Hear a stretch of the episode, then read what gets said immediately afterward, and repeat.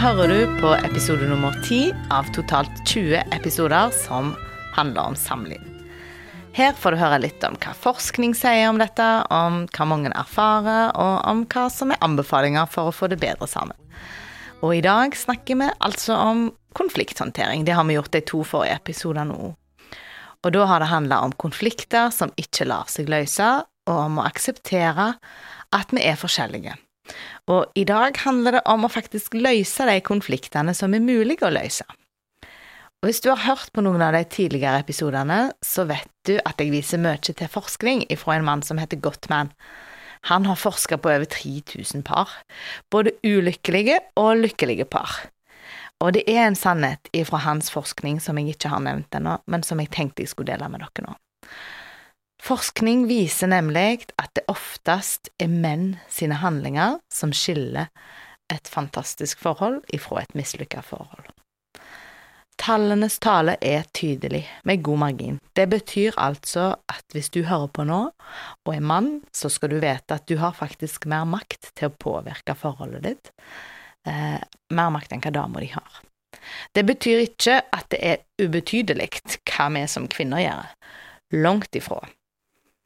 Eh, men det blir litt som å gjøre hjertekirurgi på feil person, hvis det bare er kvinnen som skal ordne opp. Det var altså en oppfordring til dere menn om å forsøke å jobbe videre for å få et emosjonelt intelligent forhold der begge kan ha det bra i sammen. Og problemer som lar seg løse. Hva er de, og hvordan kan vi løse de? For mange er det faktisk nummer én å snakke om det vi er uenige om og øve oss på å snakke om det. Penger, for eksempel.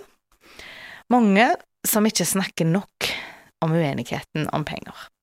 Det er nyttig å snakke om pengebruk, og her må vi øve oss i å tenke at det er mulig at jeg kanskje tar litt feil av og til, eller at jeg kanskje må lytte til og høre hva ektefellen min sier om penger og mener om penger. Vi må forsøke å finne ut hva som blir den beste løsningen for oss ikke bare for meg, heller ikke bare for deg, men for oss. Og det jeg mener er best for oss.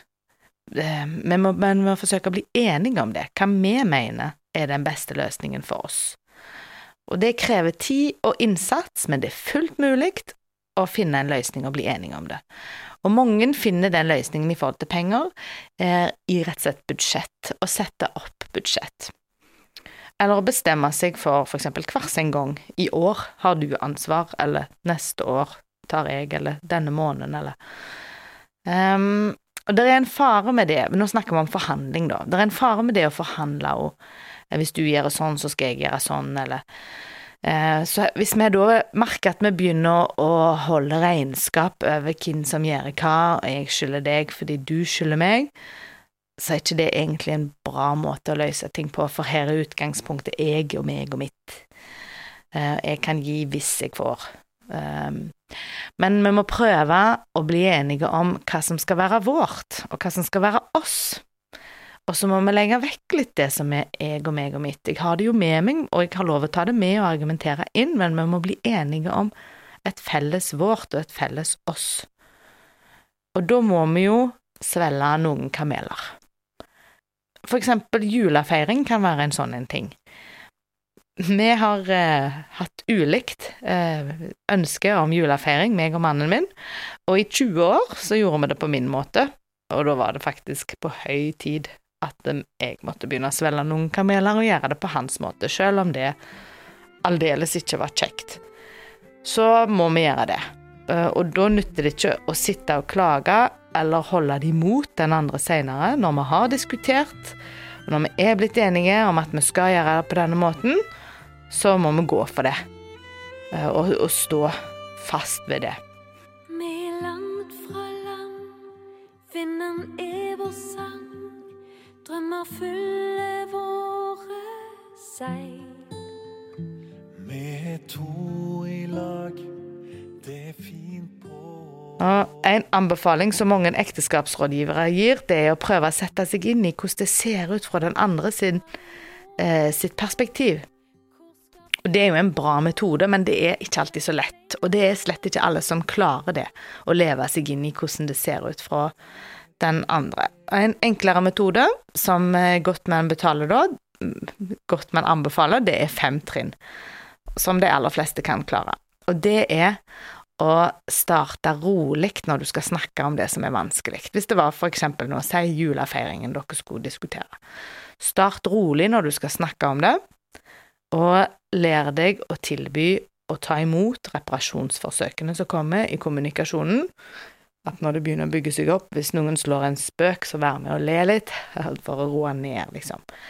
Og jobb hele veien med å være rolig sjøl. Pust rolig, og tell til ti inni deg hvis du eh, kjenner at du trenger det. Og, snakk òg sånn at du er med og holder partneren din rolig. Det å snakke rolig og det å holde et lågt stemningsleie er med. Og forsøk å inngå kompromisser. Forsøk å strekke deg og velge hvilke kameler du vil svelge, på en måte. Og når, du, når dere har funnet en felles eh, avgjørelse, så gjør deg ferdig med det. Ikke skuff det under teppet og ligge og ruge på at ja, du egentlig er litt lei deg for det, eller at det egentlig de gjorde så vondt. Når du er ferdig med det, så er du ferdig med det. Da trekker du ikke det fram igjen. Da må du gå videre.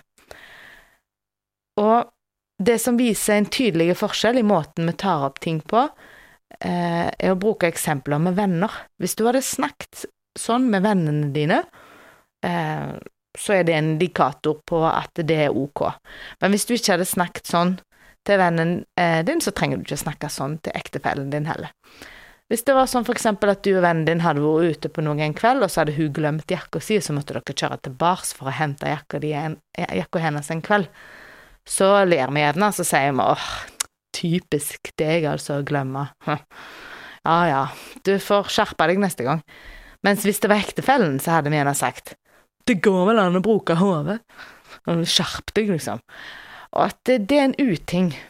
Uh, eller hvis du har besøk av den klumsete kameraten din som søler på duken, noe han gjerne ofte gjør, så sier du 'slapp av, det gjør ingenting, det går fint', vil du ha mer, og så tømmer vi oppi på ny. Men hvis det var ektefellen, så sier vi gjerne ta deg sammen, du er den største klumsen på jord'. Og det, dette er veldig unødvendige uvaner. Vi kan snakke like fint til ektefellen vår som til andre folk. Telefonen vår er lett med å avsløre oss her. Se for dere et par som står midt i en diskusjon om noe de er uenige om. Så ringer telefonen, og så snur man seg. Hei, er det du Ja, så koselig. Ja, nei da, jeg bare sa her at det Jeg sa her tidligere at mannen har et ekstra ansvar, eller en ekstra mulighet, til å påvirke forholdet. Eh, kvinner er faktisk oftest ansvarlige for det å bruke en sånn en brå oppstart, det med kritikken og sarkasmen. Så i forhold til det er det kvinnen som må legge inn en ekstra innsats for å starte kommunikasjon med en holdning om at jeg faktisk tar ansvar her og ikke skal hamre løs, selv om jeg syns at det som skjedde nå, var feil.